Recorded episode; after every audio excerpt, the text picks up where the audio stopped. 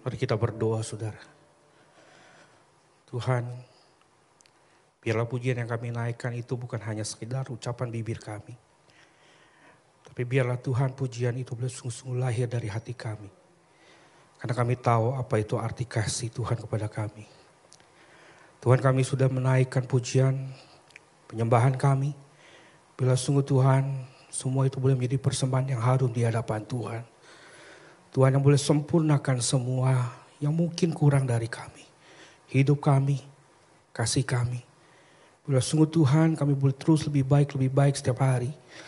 Seperti yang kau kehendaki. Tuhan sebenarnya kami akan membaca dan merenungkan firman-Mu. Biarlah sungguh Tuhan kau yang boleh sekali lagi berbicara kepada setiap kami Tuhan. Bila firman ini mungkin sudah terlalu sering kami dengar. Tapi bila sekali lagi Tuhan kau boleh berbicara secara pribadi kepada kami. Betul-betul kami sungguh-sungguh menggumulinya dalam kehidupan kami, seumur hidup kami. Dan selalu bertanya pertanyaan yang kau ingin kami jawab di hari ini Tuhan. Terima kasih Tuhan, kami berdoa, kami serahkan waktu kami ke depan ke dalam tangan Tuhan. Di dalam nama Tuhan Yesus kami berdoa dan bersyukur, amin. Shalom Bapak Ibu Saudara dikasih Tuhan. Uh, kita bersyukur hari ini kita boleh kembali datang beribadah bersama-sama di rumah uh, di tempat kita masing-masing Saudara. Saudara, hari ini kita akan sama-sama merenungkan satu buah tema, yaitu bicara tentang apakah engkau mengasihi aku. Saudara, untuk mendasari apa yang akan kita renungkan hari ini, saya mengajak kita untuk membuka satu bagian firman Tuhan yang saya ambil saudara dari Injil Yohanes, pasal 21 ayat yang ke-15 sampai dengan ayat yang ke-17. Injil Yohanes pasal yang ke-21 ayat ke-15 sampai dengan ayat yang ke-17. Jika sudah dapat, saudara bisa lihat di dalam slide. Demikian bunyi firman Tuhan saya akan bacakan buat saudara. Injil Yohanes pasal 21 ayat 15 sampai 17. Sesudah sarapan Yesus berkata kepada Simon Petrus, "Simon, ya anak Yohanes, apakah engkau mengasihi aku lebih dari mereka ini?" Jawab Petrus kepadanya, "Benar Tuhan, engkau tahu bahwa aku mengasihi engkau." Kata Yesus kepadanya, "Gembalakanlah domba-dombaku." Kata Yesus pula kepadanya untuk kedua kalinya, Simon anak Yohanes, apakah engkau mengasihi aku? Jawab Petrus untuk kedua kalinya, benar Tuhan, kau tahu bahwa aku mengasihi engkau. Kata Yesus kepadanya, gembalakanlah domba-dombaku. Kata Yesus untuk ketiga kalinya, Simon anak Yohanes, apakah engkau mengasihi aku? Maka sedihlah hati Petrus, karena Yesus berkata untuk ketiga kalinya, apakah engkau mengasihi aku? Dan ia berkata kepadanya, Tuhan, Engkau tahu segala sesuatu. Engkau tahu bahwa aku mengasihi engkau. Kata Yesus kepadanya, gembalakanlah domba-dombaku. Saudara berbahagia setiap kita membaca, merenungkan, melakukan firman ini dalam kehidupan kita sehari-hari. Saudara, apa yang terlintas dalam pikiran saudara ketika saudara mendengar atau membaca kata pengkhianatan saudara? Apa yang terlintas di dalam benak saudara ketika saudara mendengar kata pengkhianatan? So saya percaya ada banyak hal yang mungkin muncul dalam pikiran kita. Ketika kita melihat atau membaca atau mendengar kata pengkhianatan ini. Mungkin ada di antara kita yang kemudian langsung mengingat peristiwa yang pernah terjadi di masa lalu kita. Bagaimana kita kemudian dilukai oleh orang-orang yang yang kita percaya kepadanya, saudara. Atau mungkin saudara langsung teringat dengan sosok orang atau sesosok wajah yang kemudian pernah melakukan pengkhianatan dalam hidup saudara. Saudara, ada banyak hal yang mungkin timbul ketika kita mendengar kata pengkhianatan. Tapi saudara saya percaya bahwa setiap kita, dan saudara akan setuju dengan apa yang saya katakan bahwa saudara pengkhianatan itu adalah sesuatu yang tidak pernah kita inginkan. Tidak ada pernah satu orang pun yang mengharapkan itu terjadi dalam hidupnya. Karena pengkhianatan itu, itu adalah sebuah tindakan yang paling sangat menyakitkan saudara. Betul tidak saudara? Pengkhianatan itu adalah sebuah tindakan yang sangat menghancurkan. Bukan saja sebuah relasi, tapi hati dan kasih seseorang kepada yang lain. Saudara, apalagi ketika kita tahu bahwa pengkhianatan itu, itu dilakukan oleh orang yang dekat dengan kita. Oleh suami kita, oleh istri kita. Oleh orang tua, oleh anak-anak kita sendiri. Saudara, beberapa hari waktu yang lalu saya mendapat sebuah kiriman video pendek saudara. Tentang bagaimana seorang ayah ribut dengan anaknya. Mereka saling ribut, saling lapor. Saudara Sedih saudara, sakit sekali. Ketika orang-orang yang dekat dengan kita, anak, orang tua kita, sahabat kita, orang-orang yang kita percaya dalam hidup kita, itu ternyata justru adalah orang-orang yang kemudian melukai kita, mengkhianati kita. Saudara itu akan jauh tidak mudah saudara. Itu sebab saudara kenapa kalau orang kemudian dihianati atau seseorang dihianati. Kita ini sulit sekali untuk kemudian mengampuni saudara. Kita sulit sekali untuk kemudian melupakan apa yang sudah pernah diperbuat oleh orang-orang itu. Bahkan kita sulit untuk kemudian membangun rasa percaya kepada orang yang pernah mengkhianati kita. Saudara, setidaknya saya pernah mengalami itu. Sulit rasanya. Sulit rasanya untuk menaruh kembali rasa percaya kepada orang yang pernah mengkhianati kita. Sulit rasanya untuk kemudian mengasihi dengan tulus kepada orang-orang yang pernah melukai kita. Sudah setiap kita pasti bergumul.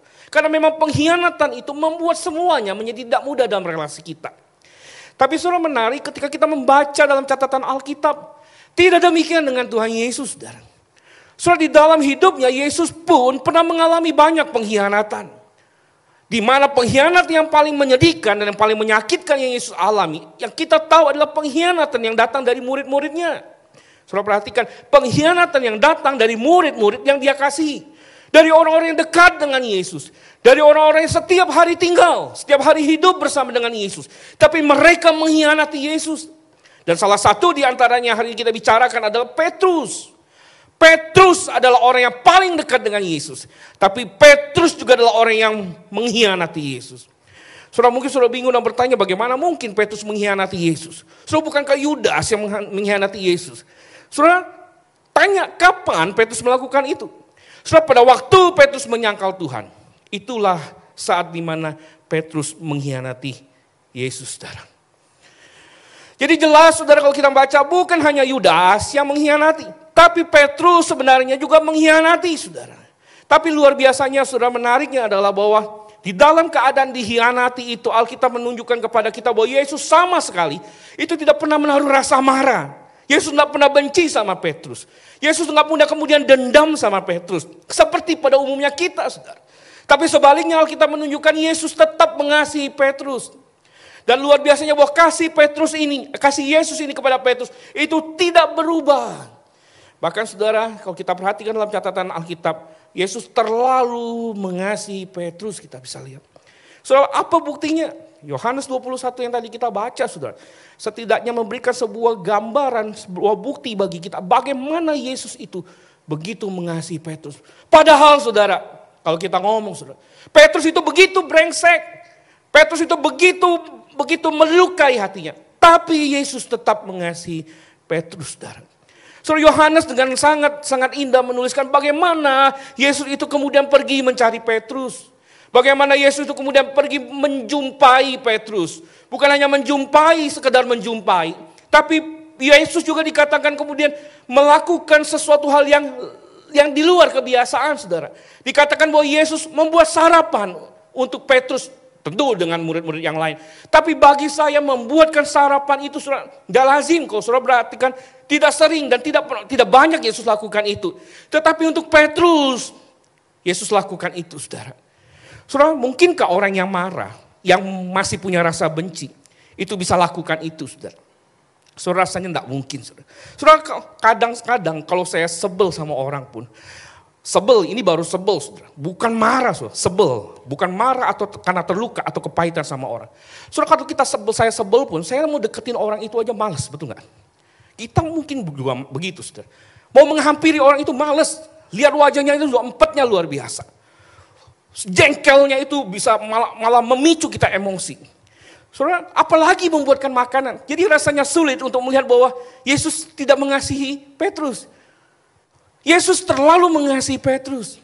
Soal kegagalan Petrus, ini menariknya. Ketidaksetiaan dan pengkhianatan Petrus. Itu sama sekali tidak bisa menghapus kasih Tuhan kepada Petrus. Yesus terlalu mengasihi Petrus, saudara. So, pada waktu saya membaca, melihat kejadian ini, saya kemudian merenung, saudara. Dan saya ingin katakan kepada saudara. Saudara, kegagalan saudara juga tidak bisa menghapus kasih Tuhan kepada saudara. Kegagalan kita itu tidak bisa menghapus kasih Tuhan kepada kita. Saudara, apa pun latar belakang hidup kita, apa pun kesalahan yang pernah kita perbuat, seberapa hancur jalan hidup kita, seberapa hina orang menilai kita karena ketidaklayakan kita, saudara. Saudara, hari ini saya mau katakan seperti Tuhan kepada Petrus, saudara. Tuhan juga mengasihi saudara dan saya. Tuhan tetap menerima kita apa adanya. Tuhan tetap kemudian merangkul kita, saudara. Dia tidak pernah berhenti mengasihi kita. Saudara luar biasa, saudara. Pada waktu saya merenungkan ini, saya melihat begitu luar biasa kasih Tuhan. Saudara, tidak ada kasih yang jauh lebih besar daripada kasih Yesus kepada kita. Seburuk apa pun hidup kita, Tuhan masih tetap terima kita. Sebrengsek apa pun kita, Tuhan masih tetap terima kita. Setidak setianya kita kepada Tuhan, Tuhan tetap setia sama kita. So, Tuhan mengasihi Petrus dan terlalu mengasihi kita. So, tapi begini, so, sekalipun Yesus mengasihi kita, apa adanya. Tapi Yesus itu tidak pernah akan membiarkan kita hidup seadanya, saudara. Yesus tidak akan pernah membiarkan kita untuk terus hidup dalam kebodohan. Sama seperti Petrus, Yesus tidak akan pernah membiarkan Petrus hidup dalam sikapnya yang salah, dalam dosanya yang sama. Tidak, saudara. Yesus akan selalu berurusan kepada kita.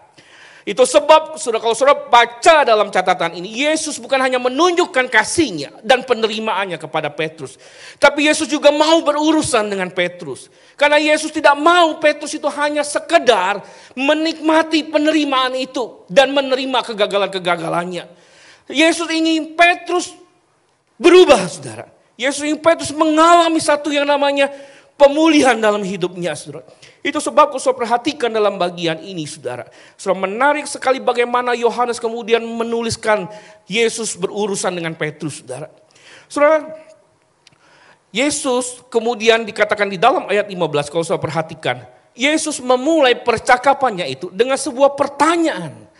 Ya pertanyaan yang mungkin pertanyaan yang yang saya tidak tahu bagaimana dengan saudara, tapi kelihatannya biasa namun juga tidak biasa. Pertanyaannya sederhana, tapi juga tidak sederhana. Apa yang Yesus tanyakan dalam ayat 15? Perhatikan. Yesus bertanya kepada Petrus, Simon, anak Yohanes, apakah engkau mengasihi aku lebih daripada mereka ini? Saudara, sekilas kalau kita lihat saudara, dan bagi saya sekilas kayaknya memang nggak aneh lepas dari apa pun itu itu maksud pertanyaan. Bagi saya tidak ada yang aneh. Sah-sah saja Yesus mengajukan pertanyaan semacam itu. Bahkan ada banyak pertanyaan lain yang pernah Yesus ajukan yang kadang-kadang di luar kemampuan kita untuk menebak bahwa Yesus akan bertanya. Yesus pernah bertanya kepada para murid, bahkan ada Petrus, menurut kamu siapa aku ini? Gak pernah murid-murid pikirkan pertanyaan itu. Dan hari ini pertanyaan yang sama juga muncul. Tapi bagi saya sah-sah saja Yesus bertanya saudara. Karena mungkin Yesus memang melihat bahwa isu Petrus itu adalah isu hatinya. Isu Petrus adalah isu soal kasihnya saudara. Tapi yang aneh bagi saya adalah mengapa setelah Petrus menjawab pertanyaan Yesus tadi, kan sudah jelas saudara. Bahwa pada waktu Tuhan Yesus bertanya, apakah kau mengasihi aku lebih daripada mereka ini? Petrus menjawab, aku mengasihi engkau Tuhan. Tetapi kenapa Yesus mengulangi pertanyaan yang sama di dalam ayat 16 dan ayat 17, saudara. Tiga kali Yesus harus mengulangi pertanyaan yang sama kepada Petrus. Saudara, bukankah jawaban Petrus pertama, pertama itu sudah lebih dari cukup, saudara? Kalaupun memang jawaban Petrus itu kurang, pertanyaan yang kedua Bukankah itu juga sudah cukup untuk membuktikan bahwa Petrus itu mengasihi Yesus? Tetapi kenapa Yesus harus mengulang pertanyaan ini tiga kali? Secara singkat saudara. Sudah berapa banyak penafsiran saudara? Sudah ada yang pertama berkata bahwa pertanyaan ini sengaja diulang Yesus. Karena berkaitan dengan peristiwa penyangkalan Yesus, Petrus saudara. Saudara kita tahu bagaimana catatan Alkitab dengan jelas menggambarkan bahwa pada malam waktu Yesus disalibkan. Alkitab menunjukkan sebelum ayam berkokok. Dikatakan Petrus itu menyangkal Yesus tiga kali. Yang pertama kalau sudah baca dalam Matius pasal ke-26 ayat 69 uh, sampai 70 itu di depan hamba seorang perempuan. Petrus berkata, aku tidak kenal orang itu. Aku tidak kenal Yesus. Yang kedua di hadapan seorang hamba yang lain. Yang ada di dekat Petrus pada waktu itu. Petrus juga berkata, aku tidak kenal orang itu. Yang ketiga, pada waktu ditanya sama orang-orang yang kemudian dekat dengan Petrus itu, yang ada di dekat dengan Petrus itu, Petrus juga kemudian dikatakan dalam Alkitab, Petrus bahkan bersumpah dan mengutuk. Kalau perhatikan, Petrus berkata, aku tidak kenal orang itu, saudara. Saudara peristiwa inilah yang kemudian melatar belakangi kenapa Yesus kemudian mengajukan tiga pertanyaan yang sama. Karena Yesus ingin kemudian memastikan bahwa Yesus, bahwa Petrus sungguh-sungguh bertobat. Yesus seakan-akan ingin mengajak Petrus kembali mengingat bahwa ini loh, kamu itu pernah menyangkal aku tiga kali. Aku pengen tahu kamu itu sudah bertobat atau belum. Aku mau tanya sama kamu, apa kau mengasihi aku?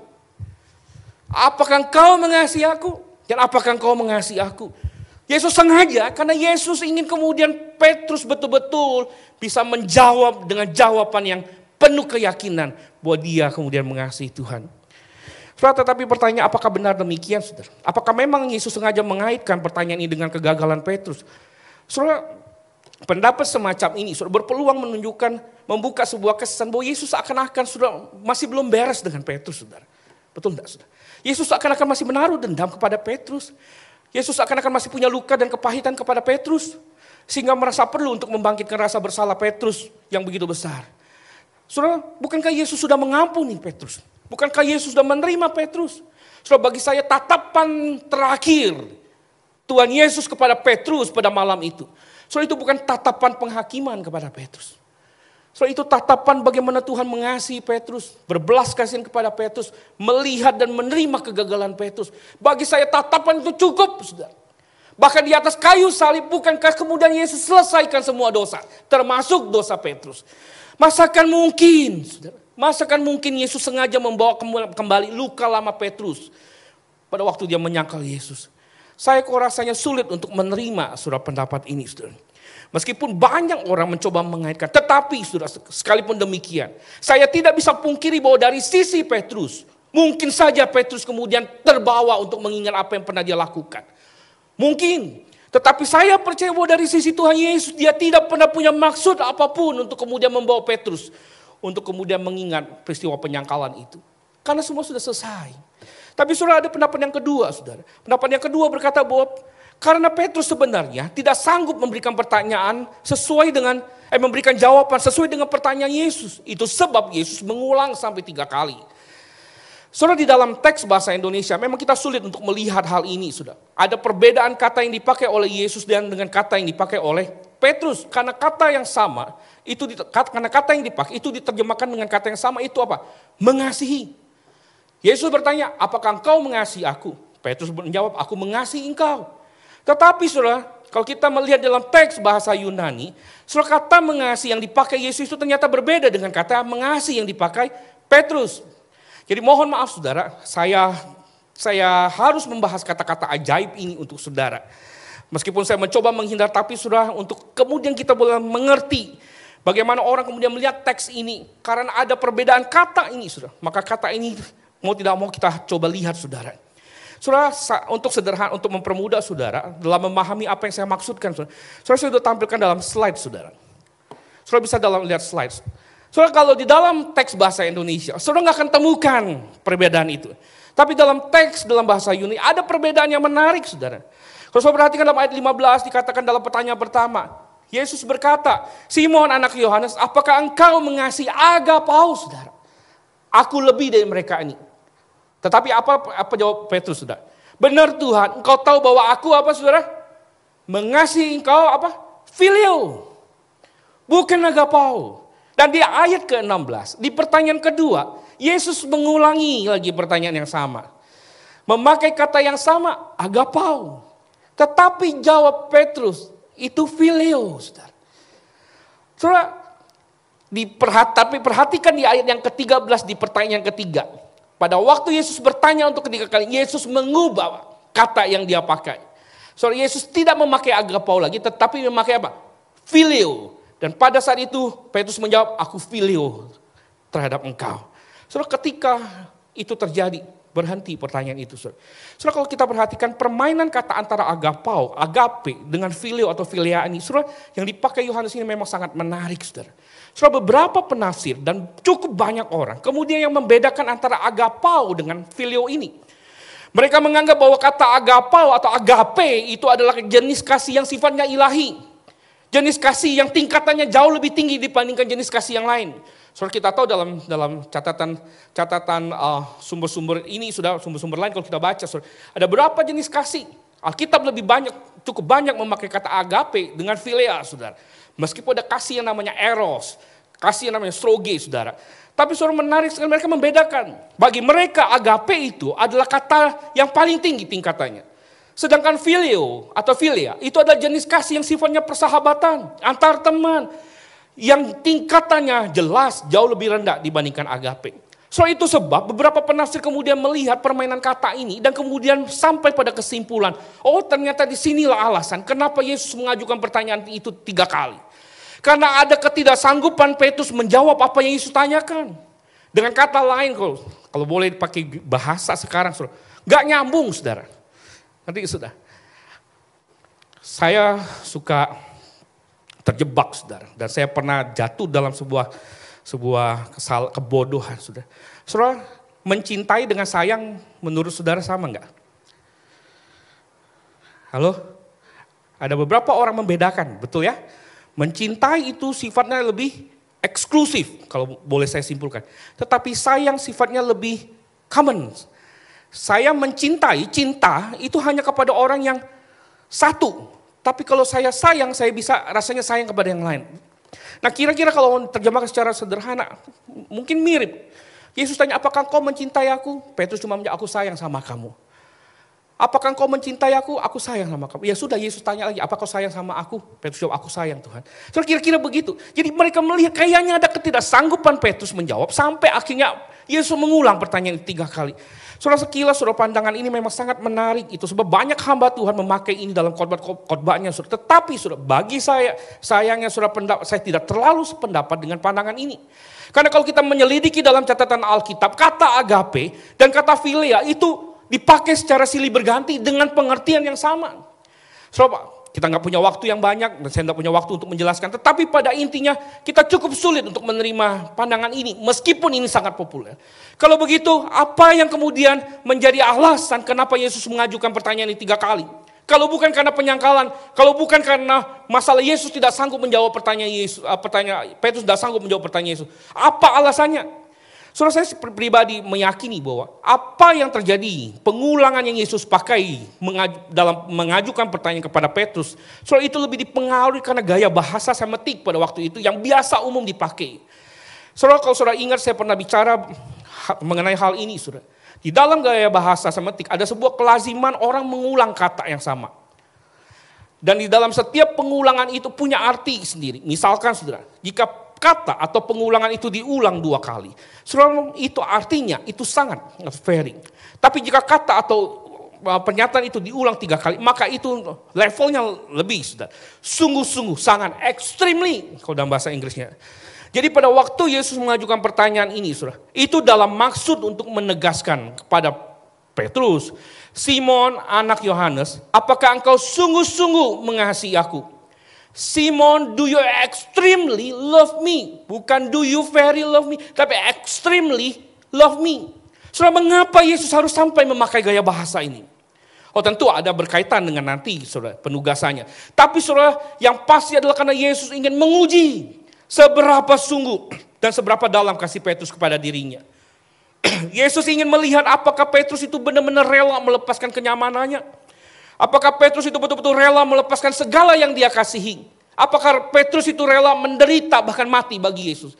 Karena bagi Yesus isi hati, isu soal hati, isu soal kasih itu suatu hal yang sangat krusial. Dan terhadap Petrus, Yesus mengejar jauh lebih dalam saudara. Karena bagi Yesus tidak mungkin seorang itu bisa mengikut Yesus atau melayan apalagi melayani Yesus jikalau ia tidak memiliki kasih yang ekstrim kepada Tuhan. Perhatikan saudara. Seseorang tidak mungkin akan bisa mengikut Yesus, apalagi melayani Tuhan. Melayani Yesus. Jikalau ia tidak memiliki kasih yang ekstrim kepada Tuhan. Kasih yang radikal kepada Tuhan. Kasih yang total kepada Tuhan. Kasih yang utuh. Kasih yang tidak terbagi. Tidak mungkin saudara. Tidak mungkin seorang bisa mengikut Tuhan.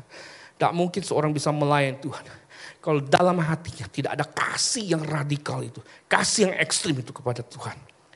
So banyak orang berpikir ikut Tuhan itu gampang, mudah. Saya mau katakan tidak. Ikut Tuhan itu sulit. Ikut Tuhan, ikut Yesus itu melayani Yesus itu jauh lebih sulit. Karena selalu dibutuhkan kasih yang ekstrim. Kasih yang radikal. Kasih yang tidak setengah-setengah. So, bukankah dalam relasi kita dengan pasangan kita pun, kita menuntut hal yang sama? Bukankah pada waktu kita kemudian pacaran, kita juga menuntut yang sama, eksklusif. Kasih yang yang hanya untuk dia, tidak boleh yang lain. Kasih kepada saya itu harus lebih besar daripada yang lain. Tidak boleh ada yang lain. Kita mengejar kasih yang demikian. Tidak ada orang yang kemudian mau berbagi kasih dengan yang lain. Tidak, saudara. Tuhan pun tidak, saudara. Itu sebab dalam Lukas pasal 14 ya 26 sampai 20 Tuhan Yesus berkata dengan sangat tegas. Saudara. So dikatakan bahwa jikalau seorang datang kepadaku dan ia tidak membenci ah, bapaknya, ibunya, istrinya, anak-anaknya, saudara-saudaranya laki-laki dan perempuan, bahkan nyawanya sendiri, ia tidak dapat menjadi muridku. Saudara. Saya ulangi, jikalau seorang datang kepadaku dan dia tidak membenci So, jangan jangan jangan salah mengerti bahwa kata ini kemudian kita harus bertindak secara harafiah membenci. Tapi kalau dia masih melekat, hatinya masih berpaut, masih terlalu condong kepada ayahnya, ibunya, istri, anak-anak, saudara perempuan, bahkan dirinya sendiri. Dan tidak bisa jadi murid Tuhan. Ekstrim. Dan memang itu yang Alkitab katakan. Barang siapa yang mau ikut aku, kau harus tinggalkan segala sesuatu. Kau harus sangkal dirimu. Bahwa engkau mengasihi yang lain. Mengasihi ayahmu, ibumu, anak-anakmu, saudaramu, bahkan nyawamu. Kalau enggak, enggak bisa saudara. Kenapa banyak orang gagal ikut Tuhan? Karena mereka terlalu mencintai diri atau mencintai yang lain lebih besar daripada mereka mencintai Tuhan. Saudara saya tidak tahu sudah berapa lama saudara jadi orang Kristen. Sudah berapa lama saudara ikut Yesus. Saya tidak tahu saudara. Saya tidak tahu sudah berapa lama saudara melayani Tuhan Yesus. Selama ini saya percaya saudara. Sudah terlalu sering kita bertanya kepada Tuhan dengan pertanyaan. Tuhan apakah engkau mengasihi aku? Tuhan, apakah engkau sayang sama aku? Tuhan, apakah engkau peduli sama aku? Kita selama ini cuma bertanya tentang apakah Tuhan sayang sama kita. Tapi hari ini saudara, giliran Tuhan yang bertanya kepada kita. Giliran Tuhan bertanya kepada saudara dan saya dengan pertanyaan yang sama. Seperti Tuhan katakan kepada Petrus. Apakah engkau sungguh-sungguh mengasihi aku lebih dari apa pun juga? Lebih dari keluargamu, lebih dari pekerjaanmu. Lebih dari uang dan harta milikmu. Lebih dari hobi, kesenanganmu. Bahkan lebih daripada pelayananmu. Apakah engkau mengasihi Tuhan dengan sungguh-sungguh. Dengan segenap hatimu. Segenap jiwamu. Segenap kekuatan dan akal budimu. Apakah engkau sungguh-sungguh mengasihi aku. Dalam setiap musim hidupmu. Dalam suka. Maupun dalam duka. Waktu sehat maupun sakit Waktu engkau berkelimpahan atau kau berkekurangan. Apakah engkau mengasihi aku? Soalnya Tuhan bertanya kepada kita dan apa jawaban yang akan kita berikan kepada Tuhan. Saudara jika ada di antara saudara yang berkata, oh benar Tuhan, aku engkau tahu, aku sudah mengasihi engkau. Aku mencintai engkau kok. Aku sudah aku sudah rajin ibadah, aku sudah rajin baca Alkitab, aku sudah kemudian memberikan segala sesuatu hidupku, aku sudah mempersembahkan banyak untuk pelayanan, aku melakukan banyak pelayanan ini dan itu. Aku sudah sangat aktif di gereja, melakukan banyak ini dan itu. Kalau memang engkau betul-betul sudah mengasihi Tuhan, saya mau katakan it's good. Teruslah mengasihi Tuhan. Dan teruslah lebih sungguh mengasihi Tuhan. Teruslah mengasihi apa, mencintai apa yang Tuhan cintai dan membenci apa yang Tuhan benci. Tapi kalau ada di antara kita yang hanya berkata, Tuhan kayaknya aku gagal deh Tuhan. Kayaknya aku belum sungguh-sungguh mengasihi Tuhan. Kayaknya aku terlalu sibuk dengan apa yang aku mau. Aku mengejar apa yang menjadi kesukaanku, kesenanganku. Bukan apa yang Tuhan mau. Aku terlalu sering tidak punya waktu untuk Tuhan. Aku aku benar-benar tidak pernah mencintai Tuhan. Aku cuma mencintai diriku. Saudara, kalau hari ini saudara ada yang berkata demikian, saudara mau katakan it's okay, saudara. Tuhan tetap mengasihi saudara. Tuhan tidak pernah membenci engkau karena engkau gagal mencintainya. Tidak, saudara. Tuhan tidak pernah menolak engkau karena engkau gagal untuk memberikan waktu untuknya. Tidak, saudara. Tuhan tetap mengasihi engkau dan menerima engkau. Namun, saudara, Tuhan tidak mau kita cuma berhenti sadar akan kegagalan-kegagalan cinta kita. Tapi Tuhan mau kita berubah dan hari ini Tuhan mau kita berubah, kembali mengasihi Tuhan. Pertanyaannya, caranya gimana saudara? Datang sama Tuhan saudara. Akui bahwa kita gagal mengasihi Tuhan. Minta belas kasihan Tuhan. Minta kekuatan dari Tuhan. Minta Tuhan mampukan kita untuk kembali mencintai dia. Karena kita tidak mungkin mencintai Tuhan dengan kekuatan kita. Tidak mungkin. Tidak ada seorang pun manusia yang bisa mencintai Tuhan dengan kekuatannya. Tidak akan pernah mungkin mustahil. Kita cuma bisa mencintai Tuhan dengan kekuatan dari Tuhan. Itu sebab kita butuh Tuhan untuk kemudian bisa mencintai dia seperti yang dia mau. Saudara, maukah kita datang sama Tuhan hari ini dan minta kekuatan dari Tuhan untuk sekali lagi belajar mencintai Tuhan dengan cara Tuhan. So, mari kita masuk dalam doa.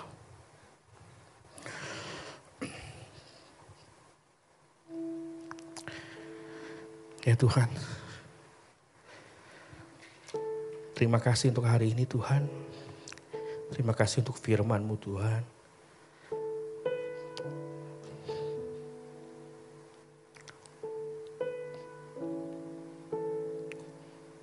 Kau baik Tuhan.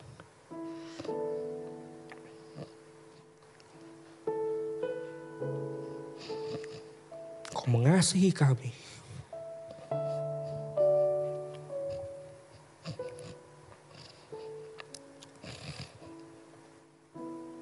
Bahkan ketika kami gagal mengasihi Engkau, Kau tidak pernah berhenti mengasihi kami.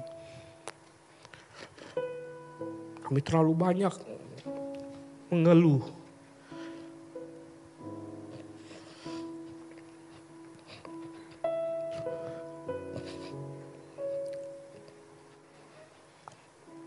Kami bertanya Tuhan, apakah Tuhan mengasihi kami?